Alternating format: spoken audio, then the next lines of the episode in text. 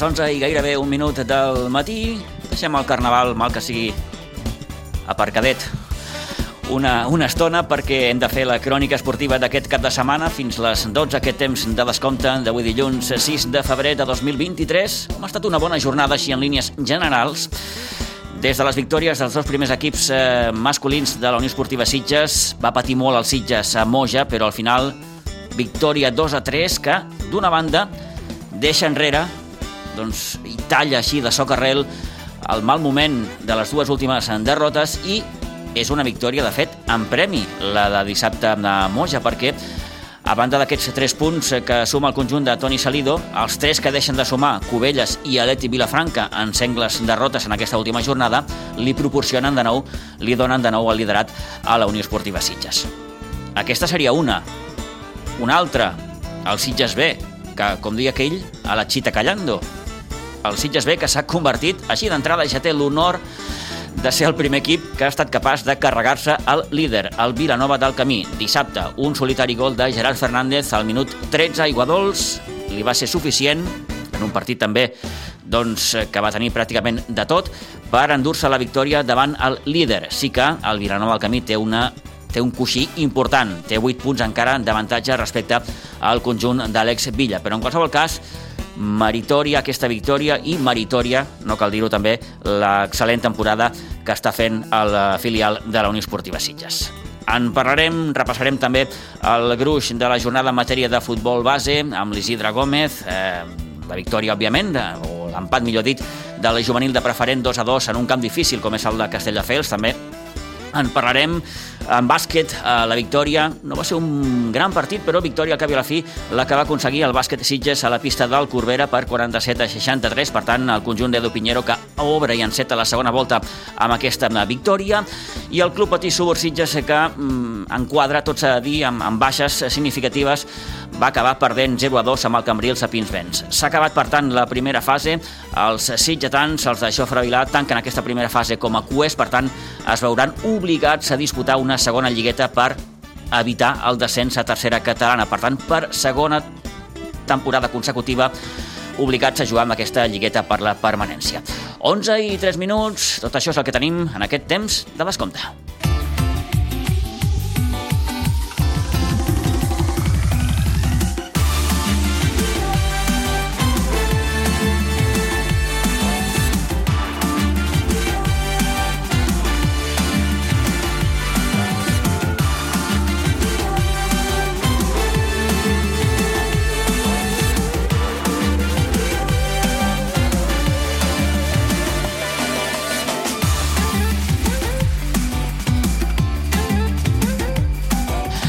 Vinga, doncs, eh, som-hi. Comencem avui parlant, però, de futbol sala, perquè el primer equip del Club de Futbol Sala Sitges, en partit de la dotzena jornada, va aconseguir la seva primera victòria com a visitant en un partit ara ens ho explicaran, veritablement boig que va acabar amb triomf sitgetà per 5 a 6 davant el CCC Futsal de Barcelona. Saludem en Joel Losada, que el tenim al telèfon. Joel, bon dia, bona hora. Bon dia, Pitu. Eh, partit, i comencem per aquí, que va tenir pràcticament de tot.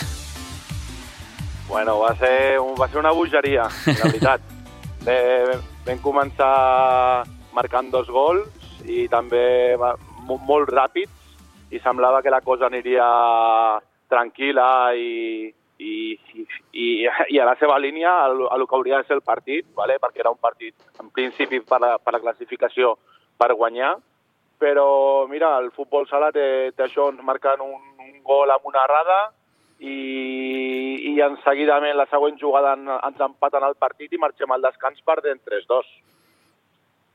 Eh, després, bueno, eh, va començar malament el partit perquè vam començar com uns 20 minuts tard, perquè el taula no, no hi era i l'àrbit no, no podia començar sense el taula i això doncs, bueno, també va anar calejant una miqueta l'ambient perquè vam veure també que van, arribaven eh, dos jugadors seus locals que si haguéssim passat eh, la, la revisió a l'hora que tocava, mm, segurament fins la mitja part no haguéssim pogut entrar. No sé, va començar una miqueta l'ambient així una mica caldejat i, bueno, la segona part, eh, al minut 3, ja teníem un jugador menys. Ens van expulsar a l'Adrià, amb en Denis i amb en, i amb en David i, clar, tot això es va anar, va anar complicant. Uh -huh. al final, no sé si, com es diu en aquests casos, veu tirar d'èpica.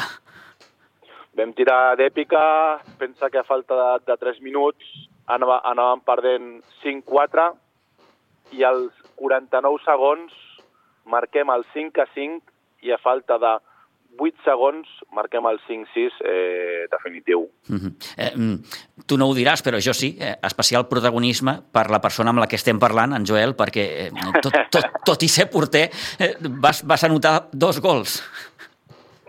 Sí, mira, eh, quan ens vam ficar enrere vam començar a jugar amb porter jugador mm. i, i, bueno, tal com a vegades surt bé i d'altres surt malament, perquè la que et roben la pilota, doncs, pràcticament quasi que sis gol, doncs amb una jugada molt, molt estranya, ja anant a dalt a, a per totes, marquem l'empat, o marco l'empat, però ja el millor és que a falta de 8 segons aquest doble penal, que ja vam tenir un doble penal per poder empatar abans i, i vam fallar, bueno, vaig prendre la decisió d'agafar la pilota i, i xutar jo com a, com a capità i prendre aquesta responsabilitat. Mhm. -huh. Vaja, victòria al final 5 a 6, molt celebrada, suposo, Joel. Eh, Hem pogut veure unes imatges eh, al vestidor, doncs, eh, òbviament, oh. d'aquesta alegria, perquè, mm, ho recordem, eh, era el primer triomf fora de casa.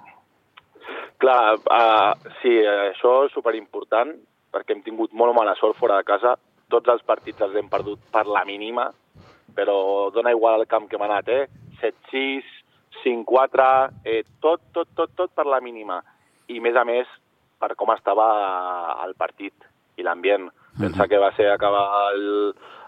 L'àrbit va, va pitar al final i, i els vaig enviar tots a, cap al vestidor.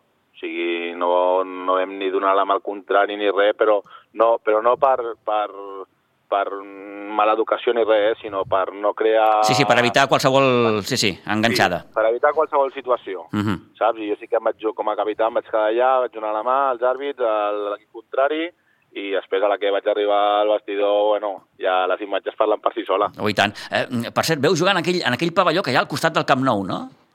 Sí, justament, justament davant. Mm. La pista està, està, està molt malament. Ja. O sigui, serà un equip molt, molt complicat jugant a casa seva, aquest equip, mm -hmm. perquè ja et dic, eh, la pista, eh, bueno, està, està, està bastant malament. Mm -hmm. I no era un pavelló, però bueno, al final ens hem de trobar. Al final aquesta categoria sí que és, sí que és per sort, la gran majoria juguem en pavellons, però sí que hi ha algun parell o tres de llocs que la pista està coberta i clar, no és el mateix.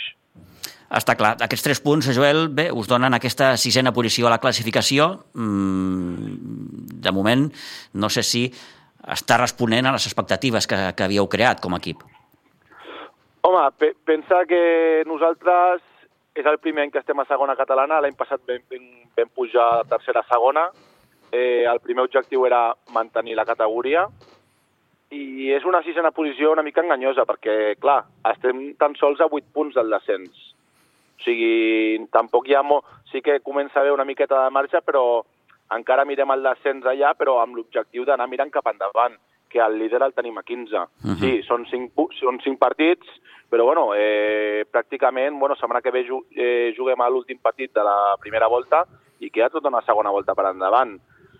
Eh, hi ha un equip molt jove, amb molta qualitat, a lo millor sí que ens faria falta millorar una miqueta el tema de, de, del cap, perquè partits així una mica bojos com, a, com el cap de setmana eh, passat doncs s'han de saber portar una mica, però mm. bueno, això és fruit de, de la inexperiència una miqueta. Fa, falta, com, de... sí, com dius, aquell puntet d'experiència per gestionar moments complicats sí. dels partits, clar.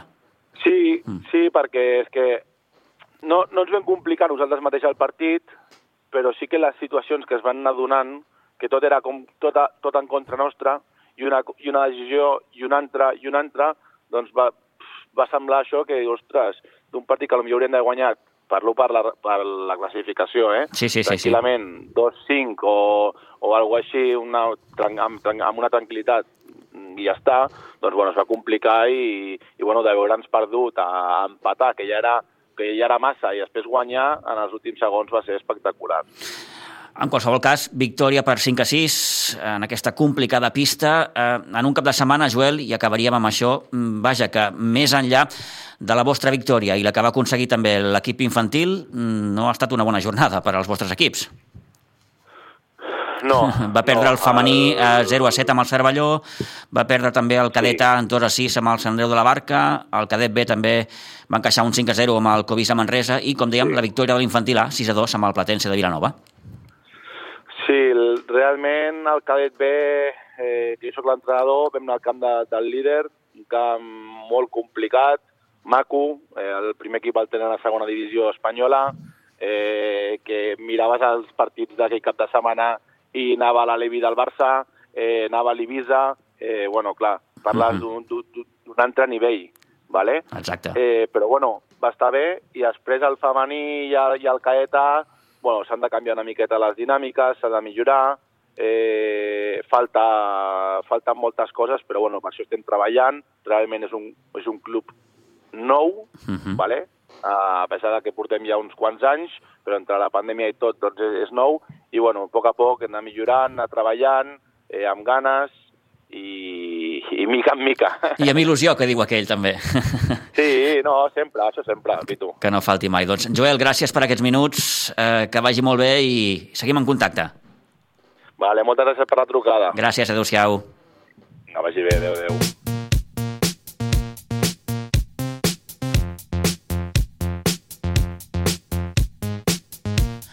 11 i 12, deixem el futbol sala, anem al futbol base perquè a la preferent de juvenils, bon punt el que va sumar la Blanca al camp d'un Castelldefels que s'avançava el marcador amb un 2-0 a la segona meitat després que els primers 45 minuts finalitzessin amb empat a 0. Dos gols, però, de Sol Aguado a la part final del partit van acabar donant a la Blanca amb aquest empat a 2 que suposa el 20è punt a la Lliga i un 11è lloc a la classificació. L'entrenador Raül Aroca, òbviament satisfet per com l'equip havia respost en un camp complicat i davant un Castelldefels que es troba ara mateix en una bona situació a la classificació. Un punt molt bo, un camp molt difícil amb el, al camp del Castelldefels, un equip que si ens guanyava es posava dos punts del líder i per tant sabíem que anàvem a un camp molt complicat. Repetim a nivell de, de joc igual que amb el Vilanova un dels millors partits de la temporada. Competim molt bé, jo crec que la primera part és molt igualada, jo crec que és una miqueta millor que nosaltres, tenen alguna ocasió més que nosaltres, però un partit molt igualat i molt vistós. L'equip va, va estar molt bé a nivell defensiu i a nivell de transició aconseguíem fer-los una miqueta de mal. I a la segona part iniciem molt bé i just en el moment on millor estàvem jugant havíem, tenit dos, havíem tingut dos 1 contra 1 contra el porter, havíem fallat, ens fan l'1 a 0, allà passem 5-10 minuts de dubtes on ens fan els 2 a 0 i bueno, eh, l'equip va seguir creient, va seguir treballant canviem, en, arrisquem una miqueta i canviem en tres defenses per anar una miqueta més directe, intentar buscar el gol que ens fiqués en el partit, ho aconseguim i, i tenim la sort que l'última jugada del partit doncs empatem. Jo crec que merescudament, perquè la segona part especialment van ser molt superiors, excepte els 10 minuts on encaixem els dos gols, que ens enganxa una miqueta de dubtes i, i bueno, eh, contents i ara pensar ja en el següent partit a casa contra el Calafé, que serà un altre partit molt difícil, i necessitem seguir sumant.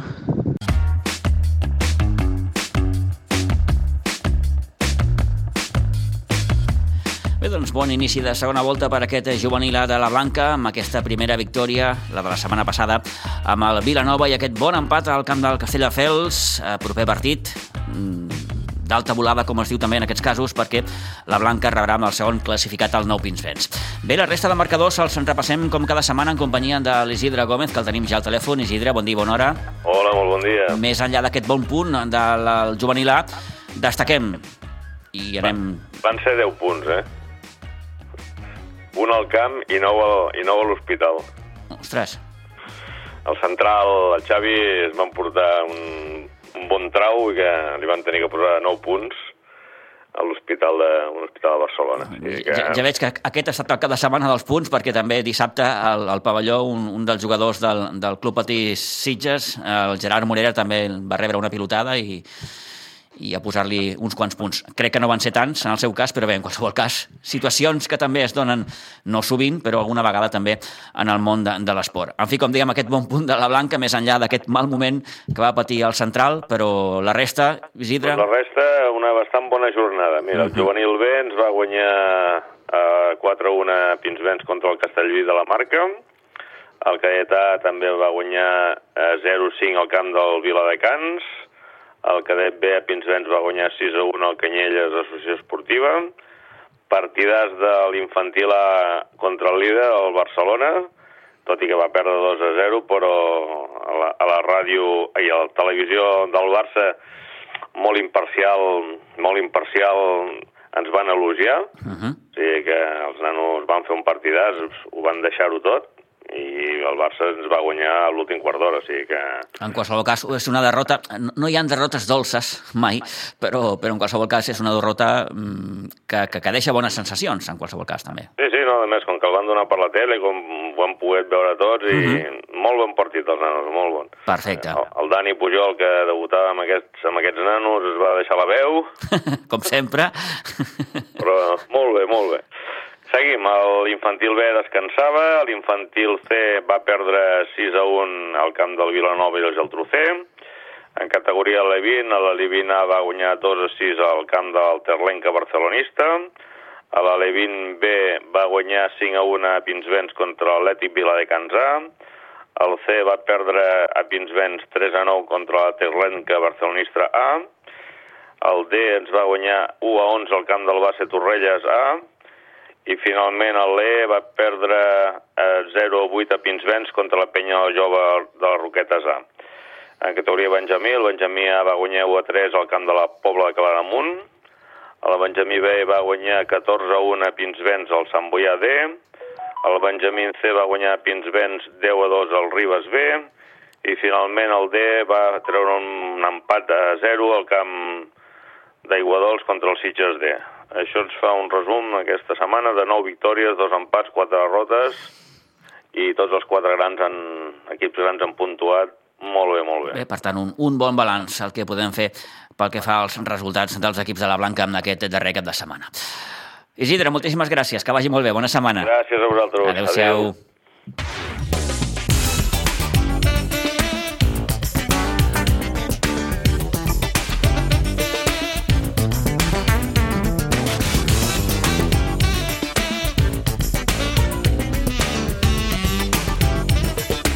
11 i 18 minuts del matí repassem ara mateix com estan les coses a la segona catalana en el subgrup 3B. D'entrada els diem que ha estat una jornada, no direm que amb sorpreses, però han punxat dels 3 de dalt, dos. Cubelles i Aleti Vilafranca. Això què vol dir? Doncs que la victòria dels Sitges a Moja, combinada amb aquestes dues derrotes de Cubelles i Fundació Leti Vilafranca, li han donat de nou el liderat al conjunt de Toni Salido. A Moja hi va ser Antoni Muñoz. Toni, bon dia i bona hora. Bon dia, bon es dia. va patir es va patir molt. Fins es va al patir, darrer alè. Es va patir molt quan va ser un partit que tu controlaves molt bé a la primera part, eh, que tenies ocasions... De fet, era un monòleg dels Sitges, des del primer minut fins que arriba al minut 44, no? Fins aleshores el Sitges té ocasions per anar-se al descans no amb un 2 a 1, sinó amb un resultat més ampli. Però eh, és allò, no?, que doncs... De fet, el Sitges comença molt bé perquè es posa amb un 0 a 2 al sí, marcador, amb els gols del, sí, sí. del, de l'Edgar Dobles i del I Martí, Martí Manyer. Sí, sí. Per tant, sí. un resultat que, que, que, que, que el fa anar bé durant el partit. Sí, a més a més, eh, doncs, eh, és que en tot moment, tot i els gols, el Sitges va arribant amb molt de perill. El porter eh, del Moja va tenir doncs, un magnífiques actuacions i, a més a més, doncs, que va ser un monòleg, eh? perquè realment doncs, el Sitges va eh, generar moltes ocasions.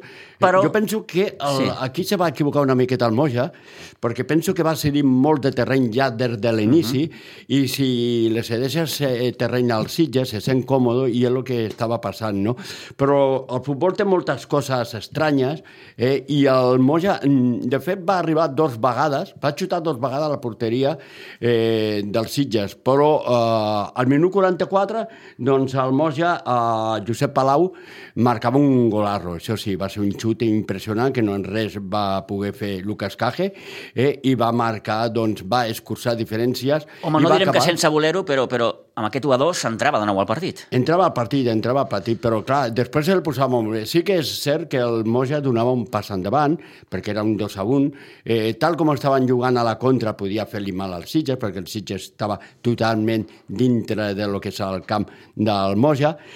Però, clar, arriba una jugada al minut 54 doncs, que canvia una miqueta eh, tot, perquè Lucas Molina, que doncs, rep una entrada, cau a terra, el jugador del Moja mm, desplaça la pilota i li va al cos Impacta en el cos de Lucas Molina. Lucas Molina. Què passa? Que ell doncs, s'aixeca, li fa una espenta i l'àrbitre, mm, que per mi malament, perquè si expulsa un, expulsa l'altre, uh Mhm. -huh. eh? vermella directa doncs, a Lucas Molina i clar, el Sitges queda amb 10 jugadors. Compte, abans li comentava el Toni, són tres jornades consecutives en què el Sitges pateix una expulsió.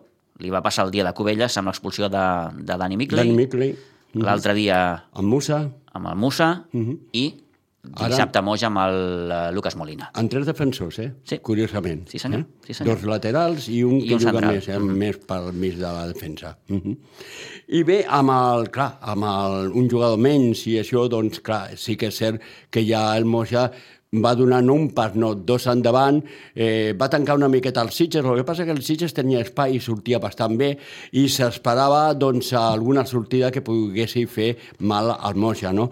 Víctor Morillas, que havia sortit minuts abans, doncs, eh, inicia una molt bona jugada en, co en combinació també amb Alejandro Pasqua, però és Víctor Morillas el que marca l'1 a 3 i, i la tranquil·litat, no? Perquè de fet... Suposadament. Eh, sí, perquè de fet l'1 a 3 arriba al minut 79, eh? eh vull dir que, que va tenir que picar pedra. Però clar, al 89 Sergio Coso eh, doncs escurçava diferència i clar, te posava una altra vegada l'ai al cor, no? Perquè pensaves, en una d'aquestes... En qualsevol pot- moment, la ells et poden- Te poden empatar, empatar. quan tu has fet un partit per a guanyar perfectament, no? Però la primera part, no?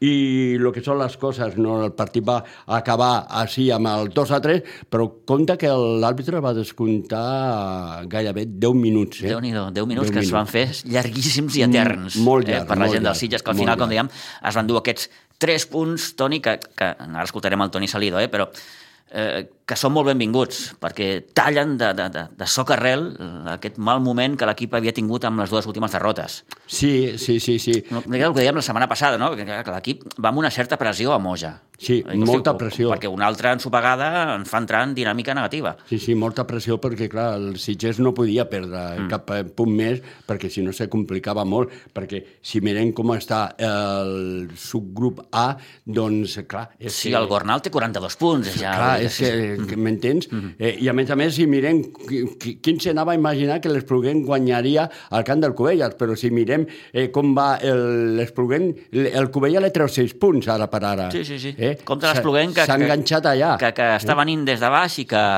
s'està situant en aquesta en aquesta, bé, en aquesta posició de- de- d'estic allà Clar, per el- si els de dalt fallen. I el Sitges té que descansar, encara li queden, eh, li queden ara, amb aquest partit que va guanyar Moja, tres partits per jugar. Uh, rep aquí el Sant Vicent dels Horts. Compte amb el Sant Vicent dels Horts. Eh? Equipo incómodo donde los haya. Vas al camp del Cabrils, un equip que ha anat de, de menys a més, però a més a més... A més a més, perquè ve de guanyar el seu partit al camp de la Fundació Leti Vilafranca 1 a 2. I acabes jugant amb l'Espluguent. Eh? Tres Si el- partits molt, molt exigents. Molt exigent. Si el Sitges és capaç aquesta setmana de guanyar el Sant Vicent de, dels Horts, què passa? Doncs que, que ja pràcticament ja està classificat uh Mhm. -huh. per jugar a la segona fase. Ja estarà classificat. Després depèn dels resultats que ell pugui obtindre amb Per el saber si serà això, segon, primer, per tercer o- sí, sí. Exacte. Eh? Però, clar, és que el Sitges té que descansar i queden quatre jornades. Eh? Uh -huh. Molt interessants, molt interessants, sens dubte, aquestes quatre últimes jornades. Bé, abans de seguir com, com, com està la cosa en aquesta segona catalana, escoltem les declaracions que feia Toni Salido, el míster dels Sitges, després d'aquesta victòria 2-3 al camp del para que, para que nos demos cuenta de, lo difícil que es sacar puntos y lo difícil que, que es que ganar un partido en esta competición. Eh, lo tienes todo de cara, eh, en una mala salida de varón nos meten un chute fuera del área, nos meten el 1-2, nos vamos al descanso con 1-2, habiendo hecho una primera parte de escándalo, llegando, teniendo muchas ocasiones. Eh, con un 0-2, que creo que ha sido una de, las mejores primeras partes del Siches desde hace mucho tiempo. Hemos vuelto a, ser, nosotros en la primera parte y, nada, nos vamos al descanso. Eh, una tarjeta roja eh, que la verdad que, siempre nos, hace daño quedarnos con uno menos y a partir de ahí el equipo sabe sufrir, el equipo eh, da la cara en todo momento y la verdad que no son solo tres puntos, eh, son más de tres puntos. de estos chavales no se puede dudar. No se puede dudar porque en todos los partidos están compitiendo, excepto el de la semana pasada, que ya todos lo sabemos que no salió absolutamente nada. Pero desde el primer día, desde pretemporada, están compitiendo, están corriendo, están, están siendo. Eh, la verdad que, muy compañeros, eh, muy solidarios entre ellos saben sufrir y, aparte esta victoria eh, creo que, es muy importante para nosotros después de haber venido de dos derrotas seguidas el haber sufrido para poder ganar un partido. Porque esto es lo que lo único que nos, deja eh, seguir muy tensionados sabiendo que, el día que no estás bien te puede ganar cualquiera. Y hoy lo hemos visto ¿no? que, se te tuerce el partido un partido que lo tienes muy controlado perfectamente eh, llegando teniendo la pelota recuperando muy rápido eh, todo lo que teníamos preparado, todo estaba saliendo y la verdad que en dos acciones se te, se te, se te rompe el partido, pero eh, han echado mucha casta, han echado mucha lucha y la verdad que, que muy orgullosos de ellos, la verdad. L'expulsió ve molt aviat no? i se juga molts minuts amb un jugador menys. Clar, això ho nota molt l'equip. Jo penso que els canvis que ha fet, la sortida de, de Víctor Morillas, doncs eh, també l'ha donat aquella mordient als Sitges, però clar, l'equip estava molt cansat perquè era molt minuts, però tot això, com tu dius, l'equip ha anat a totes, ha, ha tapat molt bé els espais, que era molt difícil perquè aquest és un camp molt gran, no? Bueno, esto de los cambios siempre siempre intentamos mejorar el equipo. Eh, pero eh, eh, a veces acierta y a veces no, pero es que esto es lo, divertido del fútbol.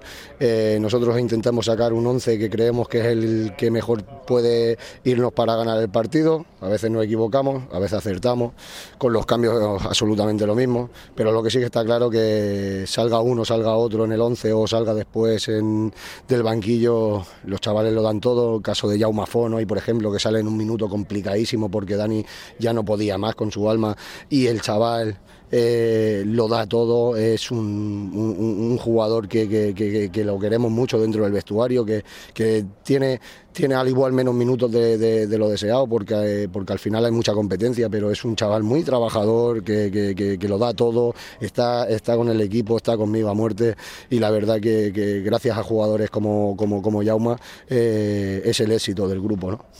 Tercer para ti, eh, Toni, que el Sitges acaba un jugador menys, eh?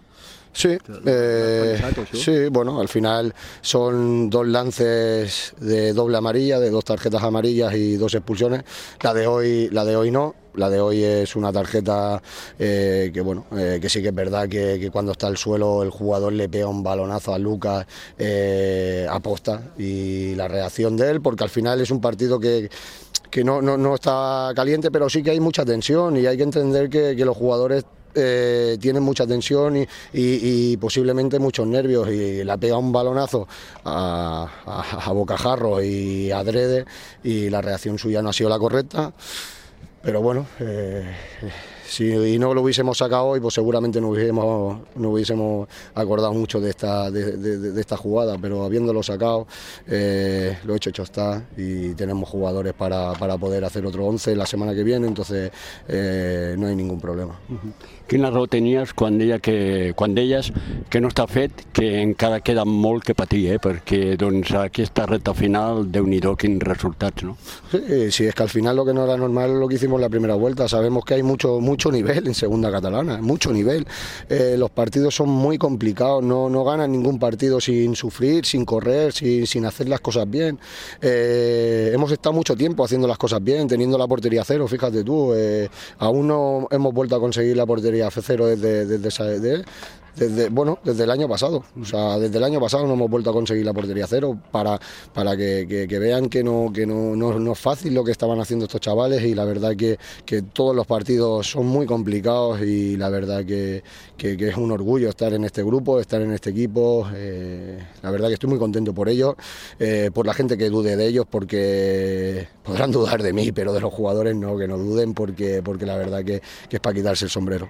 Això no s'atura, eh? I ara ve el Sant Vicent dels Sorts, eh? Un Sant Vicent que ha descansat aquesta setmana, però que també porta una recta final impressionant, no? Bueno, ya lo estuvimos hablando allí. En su campo son muy difíciles, es un equipo muy rocoso, eh, muy guerrillero, es un equipo que no da un partido por perdido y si se te o, lo, sentencias lo antes posible o son partidos que se te complican, igual como el del Vista Alegre. Vista Alegre teníamos muy claro de que era, de que era un resultado el 0-2 la primera parte que, que, que- son engañosos porque te meten uno y se meten y al final tienes que acabar sufriendo todos los partidos. O sea, nadie te regala nada, eh, toda la gente eh, quiere ganar y, la verdad que es muy difícil. Entonces, por lo cual, pues ahora descansar, a irnos a cenar, que, no, que, nos vamos todos a cenar, a pasarlo bien, a disfrutar del fin de semana, que llevamos dos fines de semana que no lo pasamos bien. Entonces, disfrutar de esta semana, celebrarlo, eh, porque la verdad que hoy es un partido de- para celebrarlo, porque es un partido donde, donde el conjunto, donde el grupo saca el partido hacia adelante.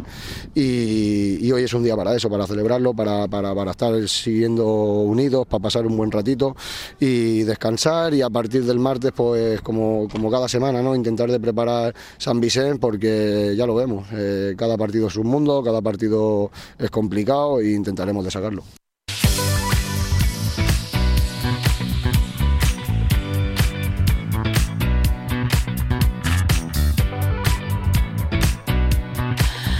Bé, doncs tot això és el que li explicava Toni Salido a Toni Muñoz.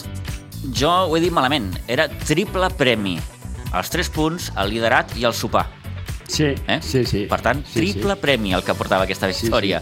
Sí, sí. Tu imagina que acaben empatant i després tenen que anar a sopar. Sí. Quin sopar seria, no és, no? no és el mateix anar a sopar amb Clar, la victòria que clar. amb un empat o, o, Clar. o fixa't, una derrota, no? el que hagués suposat. Però bé, en I, qualsevol i, cas... I ja no te dic la victòria, ja te dic la manera que el Sitges va guanyar. Mhm. Amb una primera part sensacional, en la que va poder doncs, eh, el que va voler, i en una segona que va patir. Però va treballar, va treballar molt i va treure els punts endavant. Per tant, aquesta dada que ens apuntava el Toni ara fa uns moments, eh, si el Sitges és capaç de guanyar amb aquest proper dissabte aquí a casa al Sant Vicenç dels Horts, s'asseguraria ja gairebé Sí, la classificació per disputar aquesta segona lligueta eh, per l'ascens. Com està la classificació a dia d'avui? Doncs el Sitges, com dèiem, és líder amb 37 punts, seguit de la Fundació Atleti Vilafranca amb 34 i el Covelles tercer amb 33. A l'Espluguenc, que és quart, eh, en suma 27. Ara mateix aquests quatre equips serien els que jugarien aquesta segona lligueta per l'ascens. Com estan les coses, Toni, al subgrup 3A? Aquí hi ha un equip que mana i molt, doncs sí. que és el Gornal, És el Gornal. que suma 42 punts. 42. Després segueix el Sant Ildefons, que és el segon, 29 punts, Ahà. i tercer és l'Esporti de Gavà, que té 27 punts. Aquests serien els equips El que passa que, que aquí- ara mateix, ara mateix, si s'acabés aquesta primera fase, jugarien aquesta Correcte. segona lligueta per l'ascens amb aquests quatre equips del subgrup 3B. Correcte. I després una dada bastant interessant, eh, que ara m'ha vingut al cap. Si el Sitges guanya els tres partits, si el Sitges guanya els tres partits, guanyant-lo tot al Vilafranca, guanyant-lo tot a la Fundació Vilafranca, el Sitges pot quedar segon. Uh -huh.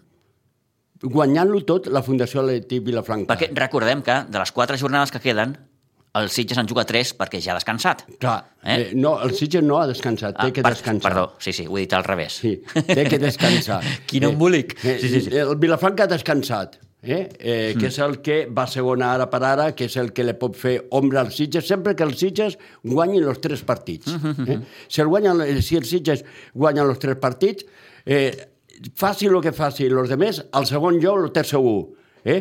Ara, també pot pinxar la Fundació Eh? Sí, sí, I com- com ho ha fet primer. aquesta última jornada. I pot quedar primer. Amb aquesta Quin derrota tenia que dir, 1 a 2 Pitu? amb el Cabrils, sí. Quin tenia que dir, després de lo que vam veure el dissabte passat, que aquest dissabte la Fundació perderia a casa seva. Sí, senyor. Eh? Qui ho Vens dir? 0-4 Eh? a Iguadols i a casa perds 1-2 amb el Cabrils. Ah, És el segon partit que perd a casa. Va perdre amb el Covelles i ara perd amb el sí, sí, Cabril. una miqueta el que deia el Toni Salido, no? Mm, això és segona catalana. Sí. Eh, No, no és... Això no és tan fàcil com no és tan pintava fàcil al principi. Sí, sí. I, el que, i, I respon una miqueta també el que deia el míster, no? que, que hosti, el que vam fer la primera volta té molt de mèrit.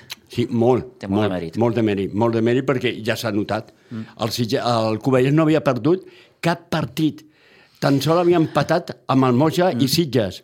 Eh? Digue-li coincidència o no, però arran de la marxa d'Òscar Garcia, el Covelles És ha que- començat a perdre. És que jo torno a repetir, Òscar Garcia és un jugador molt valiós, perquè el mateix de feia una feina impressionant al mig del camp, en defensa com en atac, perquè a més a més les seves faltes donaven gols. Eh? Mm -hmm. I les buscava molt bé, les faltetes. Sí, sí. Eh? Per mi és un gran jugador. I eh? curiosament, des que ha fitxat pel Vilanova, el Vilanova doncs, ha trobat millors resultats. Sí, mira, de fet, els dos últims partits, Vilanova ha guanyat els dos jugava a camp contrari, uh -huh. ha guanyat un i ha empatat a l'altre, Sí, sí, i però ha empatat al camp de Sant Just, anàvem perdent 2 a 0. 2 a 0, Sí, eh? i va empatar en la recta final. Eh? Uh -huh.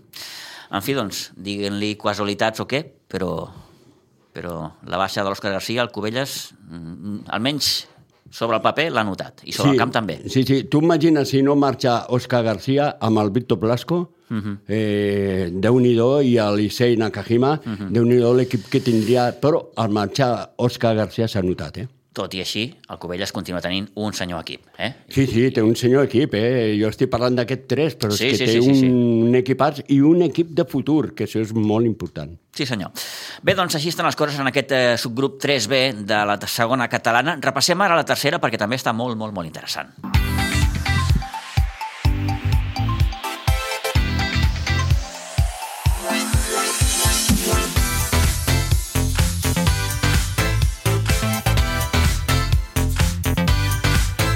Li preguntàvem ara fa tot just una setmana amb el segon entrenador del Sitges B, amb en Joel Portillo, si tenien la recepta per guanyar el Vilanova del Camí, el líder, i ens deia, home, nosaltres farem el possible.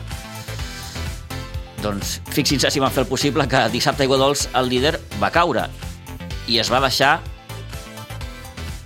o millor dit, ho explicaré diferent, el Sitges va ser el primer equip en derrotar el líder.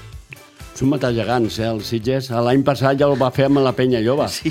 La Penya Lloba no havia És perdut això, cap partit. un mata gegant. Ara feia temps que no escoltava aquesta- sí, no, no, aquesta- és que aquesta és frase, sí, és aquesta que paraula, és A part de que és un gran equip, que és un equip Sí. que acabarà allà dalt, eh, el Sitges jo no sé on acabarà, però segon i tercer segur, eh, eh, perquè primer és molt complicat, tot i que...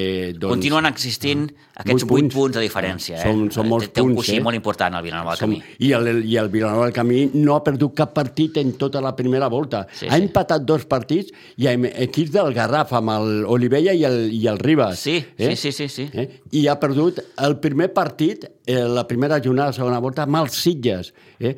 Un Sitges que va fer un partidàs, perquè a més a més l'equip va jugar, eh, ho va donar tot, eh? Eh, no va deixar espais, Eh, I tot i que va tenir ocasions també el Vilanova del Camí, que al minut, el gol del minut 13 doncs, durava els Sitges eh, doncs, fet per Gerard Fernández, Sí. l'home gol del, del Sitges, eh, donava als Sitges aquella tranquil·litat de buscar els De saber-se per davant el marcador, clar, que no vas angoixat a buscar l'empat o... Eh, I lo va defendre molt bé. Jo penso que és una magnífica victòria i fins i tot el president del Vilanova del Camí, que me parlava d'un projecte de 5 anys, eh, que estan ells allà, eh, me parlava meravelles d'aquests Sitges. Uh -huh. I qui també parlava meravelles del seu equip, en aquest cas, és Àlex Villa, el tècnic del Sitges B, content, satisfet, òbviament, per aquests 3 punts davant el líder. Bé, doncs molt content. El partit de- d'aquesta setmana era un partit molt important perquè no ens agafessin encara més distància que tenien. Eh, sabíem que si volíem treure alguna positiu eh, ens havien d'exigir estar concentrats als 90 minuts o als 100 minuts, que al final és el que ha durat. I bé, hem plantejat un, un partit, nosaltres el que sabem fer, que és tenir la pilota, eh, intentar jugar des de darrere i a partir d'aquí arri fer arribar la pilota als nostres davanters a la millor eh, en les millors condicions. Jo crec que ho hem sabut fer. Eh, crec que ells ens han jugat amb bastant de respecte, més del que acostumen a fer. Crec també que han, han abusat molt de, de, del joc en llarg. Jo crec que, que s'han vist en un camp molt petitet i tenien aquesta idea. A més, eh, és, un, és un equip que domina també eh, totes les fases del joc que es poden adaptar a qualsevol forma de jugar, però bueno, ja et dic que hem de mostrar que, que estem al seu nivell, que, que nosaltres, eh, si estem en aquest nivell, eh, podem competir i guanyar qui sigui, i bé, el que s'ha donat és, bueno, el que s'han trobat ells és un equip que, que els ha dominat, sobretot la primera part, la segona part ha estat bastant més igualada, també fruit de, dels nervis, de, de la importància del partit, però, però bé, hem dominat totes les fases del joc, eh, la línia defensiva i, i, els, i els del mig han entès molt bé eh, la importància de guanyar la primera jugada i les segones jugades d'aquest joc directe d'ells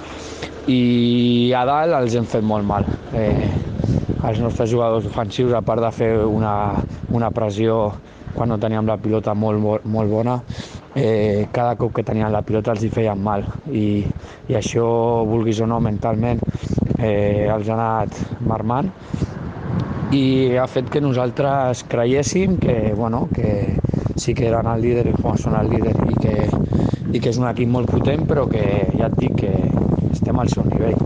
Llavors és dia per disfrutar, eh, dia per, per recordar i res, sempre ha dit que estic orgullós d'aquests xavals i avui no puc dir una altra cosa, vale? així que res, molt content sobretot per ells perquè no es mereixien perdre avui i quedar-se distanciats a 14 punts, així que sobretot la victòria jo crec que és importantíssima per, per tots els jugadors que, que s'ho treballen i s'ho curren molt durant la setmana, que els encanta el futbol i que, i que, bueno, que han demostrat que, que, que poden ser molt jugadors, molt bons jugadors i que tenen la matèria prima per, per anar cap, més cap a dalt.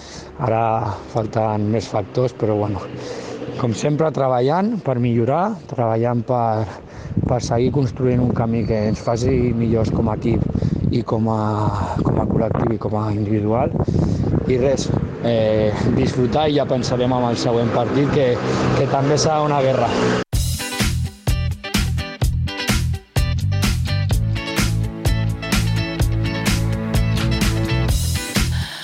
Ha dit una cosa, Àlex Villa, que m'ha agradat.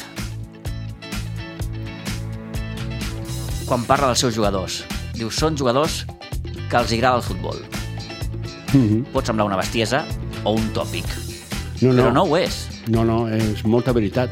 Eh, si t'agrada jugar... Uh... Quants cops hem escoltat allò de dir, bueno, és que aquest juguen per, sí. per passar l'estona, sí. perquè... O aquell altre no li, no li agrada el futbol, juga sí. perquè, bueno, perquè... Però no, sí. els agrada el futbol. Sí, sí, sí clar. Després, sí. eh, els resultats i, i la trajectòria d'un equip depèn, com, diu, com apunta el mateix Àlex Villa, d'altres factors, també. Sí, Sí, sí, de la sort, la de moltes sort, coses. l'encert, l'experiència... Eh, és un equip jove, aquest. Tu imagina la, la temporada que ha fet aquest equip a casa mm. i va i perd amb el Sant Pedro de Villas. Eh? Un equip molt irregular que els Sitges, eh, per mi, és superior eh, en tot, eh? i en canvi eh, acaba perdent. I guanya el líder que no havia perdut cap partit. No?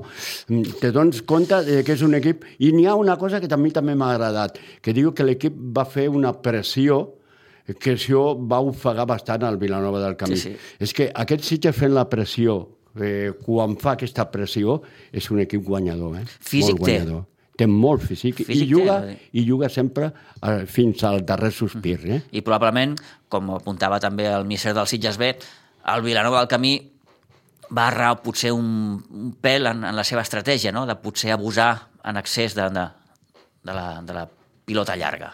Ells tenien molt de respecte. Però Aiguadols també et condiciona, sí, per tot s'ha de dir. Ell tenia molt de respecte a Aiguadol. Eh? Eh, mm. De fet, eh, fa una setmana ja estàvem parlant del respecte que tenien als Sitges, no? perquè ells estan acostumats a un camp que té dimensions molt amples, que és Vilanova del Camí, i clar, jugar aquí al municipal davant un equip que ells sabien que pressionaven en cada moment eh, la sortida de pilota i que lluitaven fins a l'últim moment, clar, tot això ells ho havien treballat, eh? però sabien que aquí, eh, si guanyaven, pràcticament tenien el campionat a la butxaca. Però si perdien, sí que tenen 8 punts, però ja saben que és perdre i això també eh, doncs fa pujar la moral a los demés. Eh? Ui, tant, ui, tant. Eh, ara mateix Vilanova del Camí, tot i aquesta derrota de dissabte a Iguadols, continua manant, òbviament, a la classificació amb 47 punts. El Sitges és segon amb 39, per tant, hi ha aquest coixí de 8 punts. L'Olivella ara mateix també és tercer amb 38 i 37 té el Montbui.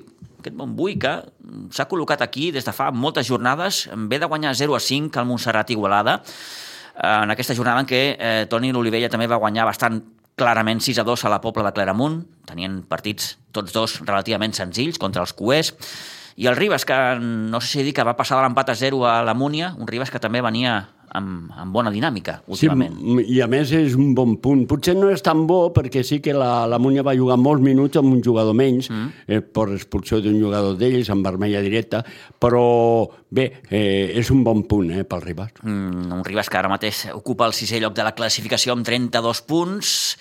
A la part baixa, mm, vaja, mm, no ha canviat res. El Badia del Vallès, eh, tercer per la cua amb 10 punts, el Montserrat Igualada amb 7 i a la Pobla de Claramunt amb 6.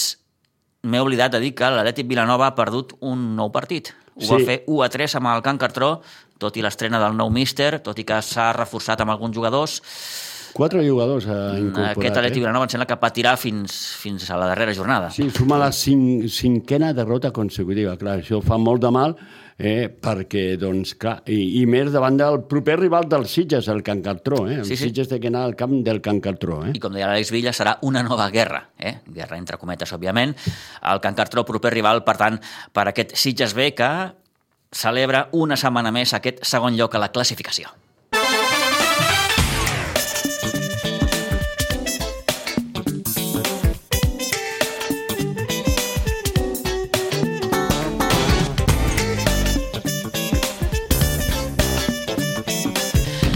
Queda tot un món. Clar, eh, de fet, Toni, el, el, el d'aquesta jornada va ser el primer partit de la segona volta. Sí, sí, per això, per això. A Per vegades tenim això. aquella sensació de que la competició ja està acabant, no? Però, però no, no, no, queda en el cas de tercera catalana tota la segona volta, eh? És que no fa, no fa dubtar una miqueta eh, la segona catalana. Sí, sí, Eh, sí, sí, sí. de que- pensem, bueno, ja a la, a la segona catalana, aquella, aquestes quatre jornades, Sí, per acabar clar. la primera fase, quedarà Però tota la segona. Després nos queda la segona, Sí, sí, eh? sí, sí, Eh, sí. La segona fase, que la segona fase pot ser... Duríssima. mm, Duríssima, Duríssima, eh? duríssima. Eh? I el Sitges eh, de tercera catalana eh, és el primer partit que juguen de la segona volta. Queda molta competició. I si el Sitges continua eh, tan regular, perquè és un equip molt regular, eh, i que va a més, déu nhi eh? perquè el proper... Ara ve Can Cartró, després rebrem aquí a la Granada, eh? Eh, Sí, compte, sí, sí, compte, sí, sí. compte Rivals d'aquests Sitges, eh? que a vegades no saps com agafar-los. Ja. Mm? Ja. veritat que li va passar el dia del Riu de Villes aquí. Rudi Villa, sí, que és un equip que a mi me donava... Són aquell- equips que dius, bueno, mm, sí però no. Eh? Sí. I si tenen el dia, mm, et fumen l'aigua a casa, com es Ahí diu. està, ahí està. Bé, deixem el futbol, aparquem el futbol, anem al bàsquet, perquè en partit que obria la segona volta, el bàsquet Sitges es va imposar amb el Corbera per 47 a 63, en una jornada en la que els equips de dalt mm, no han fallat. Sant Nicolau i Esparreguera mm, es van imposar els seus respectius rivals. Per exemple, el Sant Nicolau de Sabadell es va imposar 67-86 al Sant Cugat, mentre que l'Esparreguera va superar el Q-Bàsquet, també de Sant Cugat, per 79 a 47. La victòria del bàsquet Sitges a Corbera es va començar gestant els dos primers eh, parcials, al descans, els Edu Pinheiro, que ja dominaven amb un avantatge de més 10, 17 a 27, després d'un empat a 14 en el tercer quart, el bàsquet Sitges es va imposar 16 a 22 en el darrer quart, amb un Àngel Miguel Sanz com a màxim anotador, que va ser autor de 17 punts. Precisament Àngel Miguel, Miguel Sanz, que reconeixia que, malgrat aquesta victòria, l'equip no va fer un bon partit, sobretot en atac. En quant al partit de Corbera, sí que és veritat que encara hi guanyar de 16 eh, no va ser un bon partit. Eh, sí que a nivell defensiu va estar, va estar prou bé, Corbera no ens va ficar, ens fica 47 punts, però en atac és un partit sense les idees gaire clares. Sí que van haver uns minuts de córrer contraatac i d'allà treure rendiment, però en general un partit fluix. Sí que bueno, guanyes de 16, però encara així ens falta tornar a pillar una mica el ritme.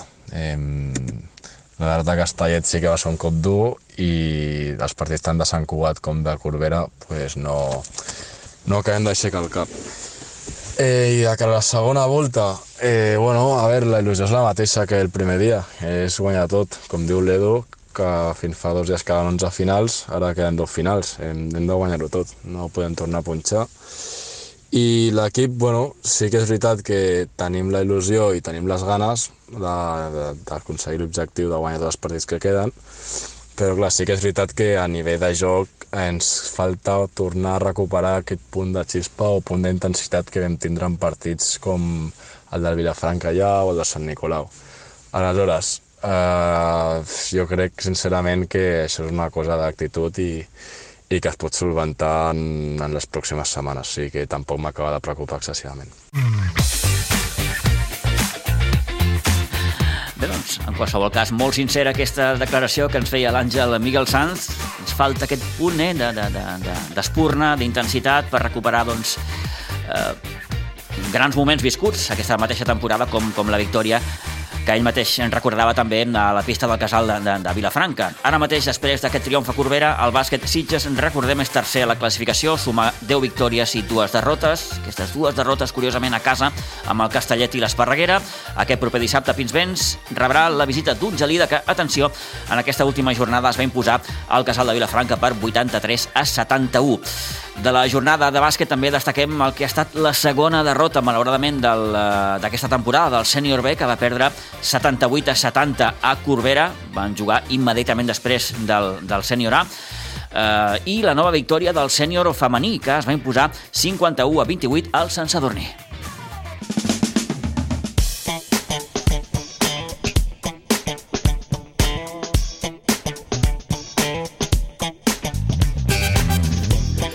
I parlem també d'hoquei patins perquè el Club Patí Subursitges s'ha tancat la primera fase amb una nova derrota, la que va patir dissabte passat a Pinsbens davant un Cambrils que es van dur el triomf per 0 a 2. Dos gols a la segona part després d'una primera meitat sense encert tot i disposar de bones aproximacions per poder marcar. Més enllà de la derrota, el partit també ens va deixar el mal moment que va tenir eh, Gerard Morera, el jugador del Club Patí Subursitges, que es va haver de retirar amb un trau a la cella. Gerard Morera, que tot s'ha de dir, va fer un partidàs i bé, malauradament no va poder disputar els darrers minuts. Un club patí Subursitges que, per cert, va haver d'afrontar el maig en quadre davant les absències de jugadors com Isaac Martínez, Marçal Monasterio i Xavi Guerrero. Jofre Pilar parlava precisament d'aquesta manca d'encert i de les circumstàncies que envolten l'equip de cara a una segona lligueta que, malauradament, s'haurà de jugar per evitar el descens. Bueno, avui el porter era... potser estava per sobre el nivell de, dels que es troben normalment a segona, però sí, sí, ara ja estem amb la última fase, realment sap greu perquè els, els, els nois treballen molt, estem aquí moltes vegades que no som ni suficients per entrenar i en canvi continuen treballant ja ho heu vist, o sigui, ara ja dominem els partits, controlem els partits, però ara ja és l'altra part, no? O sigui, la seguretat aquella que et dona el fet d'haver estat moltes vegades en aquestes situacions i haver-les superat. Avui podíem haver-ho fet perfectament, però no, no, no hem acabat fent el gol i, i per nosaltres, amb cinc jugadors, pues, cada minut era un desgast, un desgast, un desgast. Clar, el, el, el voler jugar al final amb ritme ja, ja, ja no podíem, de fet. Avui, per tant, les dues mancances han estat, d'una banda, l'encert, poc encert, i el fons d'armari, no? que, que, que dèiem, vull dir, avui estàveu en quadre, literalment. Sí, sí, sí, estàvem en quadre. Eh, bueno, el, jo, jo agrair perquè l'esforç que han fet els jugadors és, és, és brutal, s'han entregat els 50 minuts els 5 jugadors que teníem, eh, inclús hem tingut alguna baixa per, perquè algun s'ha lesionat també i, i espero que el Gerard estigui bé, per cert, i Bueno, eh, al final ens costa molt marcar un gol, eh, ho estem treballant. Jo l'únic que puc dir és que igual que vam començar a treballar situacions que ara es donen com poder dominar els partits, abans no en sabíem, ara en sabem molt més, però eh, el uno contra uno, el, la finalització, allò trobes un porter avui la primera part, sobretot del, del porter visitant, ha estat, ha estat molt, molt, molt gran, o sigui, hem fet molta, molta feina, el nostre també, però... Únicament el 0 a 1 ha fet mal, eh?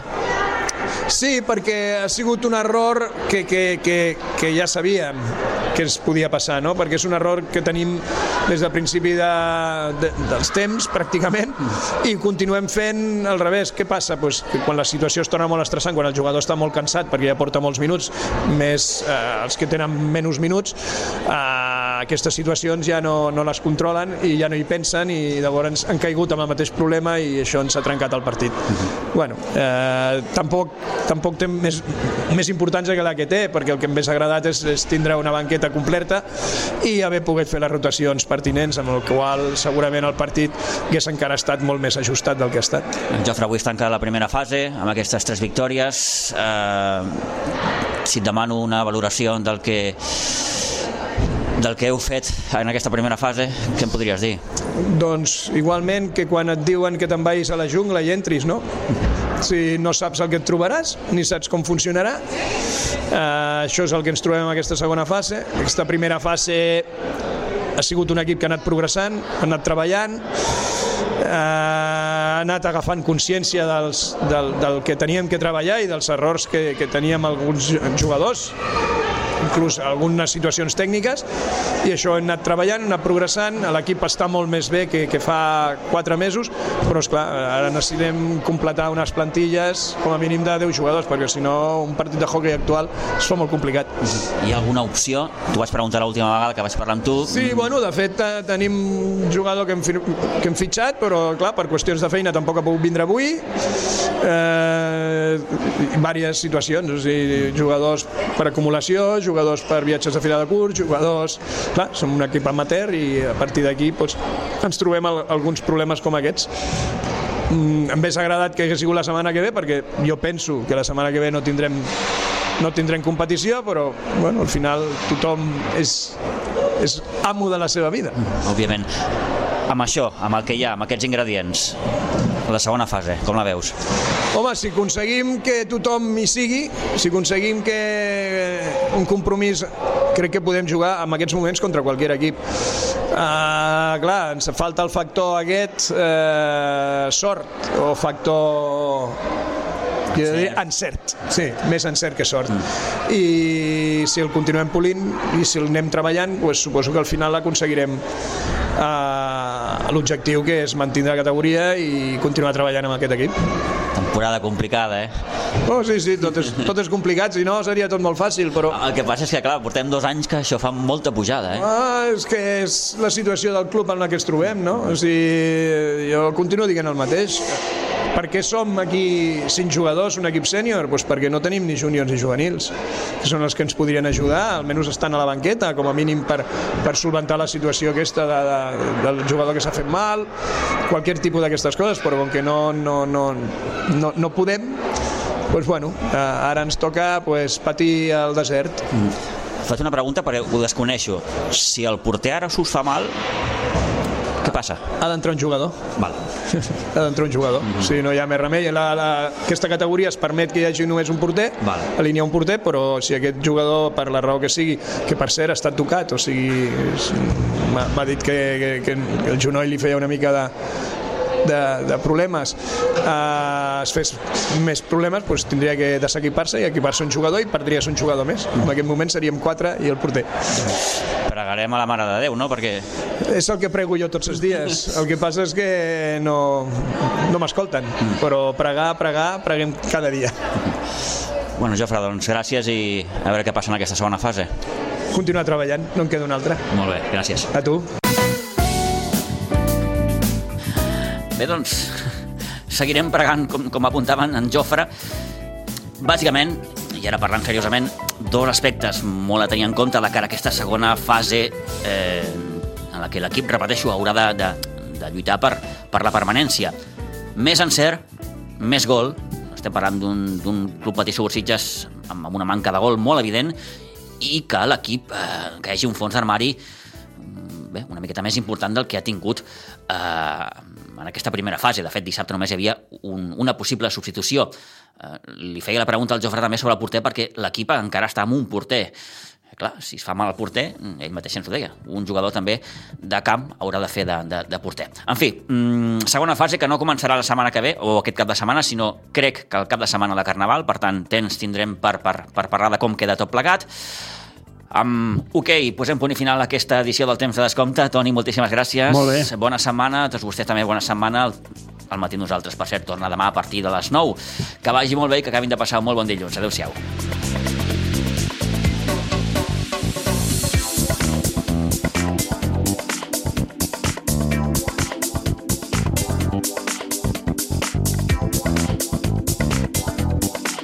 A Ràdio Maricel, cada dia, al matí amb nosaltres.